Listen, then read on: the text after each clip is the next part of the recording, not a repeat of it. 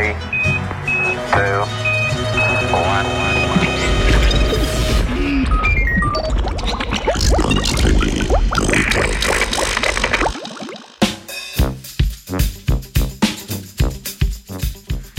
V današnjem znanstvenem Britofu pa se ukvarjamo s tistim večnim vprašanjem, namreč kako bi lahko iz sape izvedeli, ali je pacijentka obolela za rakom.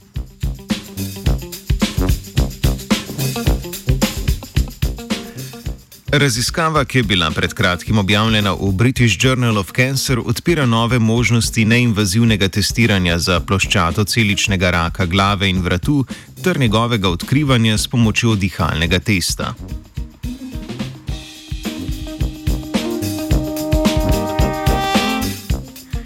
Ploščato-celični karcinom na predelu glave in vratu se najpogosteje pojavi v ustni votlini, požiravniku, grlu in žrelu, nosni votlini in žlezah slinavkah. Približno 6 odstotkov vseh primerov raka na svetu pripisujejo prav raku glave in vratu. Glavna vzroka za razvoj te bolezni sta kajenje tobaka in kronično uživanje alkohola, a nedavna poročila iz Združenih držav Amerike, Avstralije in Anglije kažejo na porast pora pojava raka glave in vratu zaradi humanega papiloma virusa, krajše HPV. Rak, ki se pojavi zaradi okužbe s HPV-jem, je pogostejši tudi pri mlajši populaciji, ki navadno ni tako dovzetna za karcinom glave in vratu.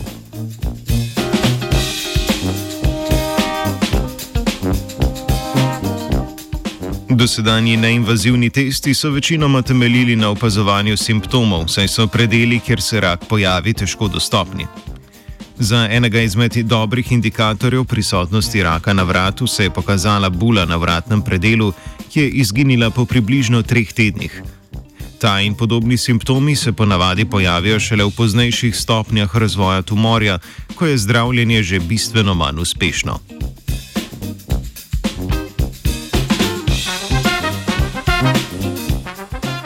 Ker so dosedanje terapije učinkovite le pri zdravljenju raka glave in vratu, ki je v zgodnjih stopnjah razvoja, je zelo pomembno razviti čim bolj učinkovite načine neinvazivne diagnostike za pravočasno odkritje karcinoma. Tako meni tudi raziskovalna skupina Avstralske univerze Flinders, ki je razvila dihalni test, s katerim je z visoko stopnjo gotovosti potrdila ali ovrgla sum raka pri 181 pacijentih.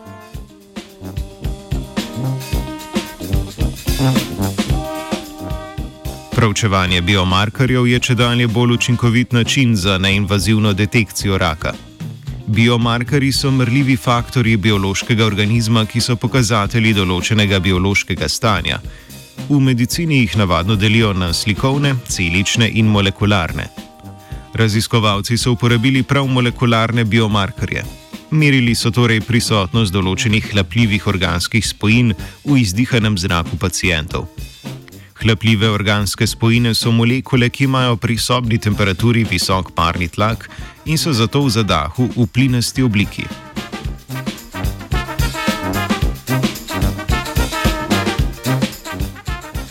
Raziskovalke in raziskovalci so hlapljive snovi merili z masno spektrometrijo in detektorji plina. Tako so ugotovili, da med 250 spojinami, ki so potrjeni biomarkerji za prisotnost raka, 24 spojin pokaže obstoj raka glave in vratu.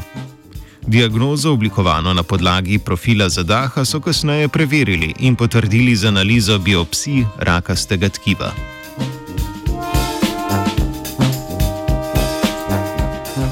Neinvazivne metode odkrivanja raka, kot so testi z biomarkerji, pomenijo velik napredek v boju proti raku. Terapije so zato lahko učinkovitejše tako na fizični, kot tudi na psihični ravni pacijentov.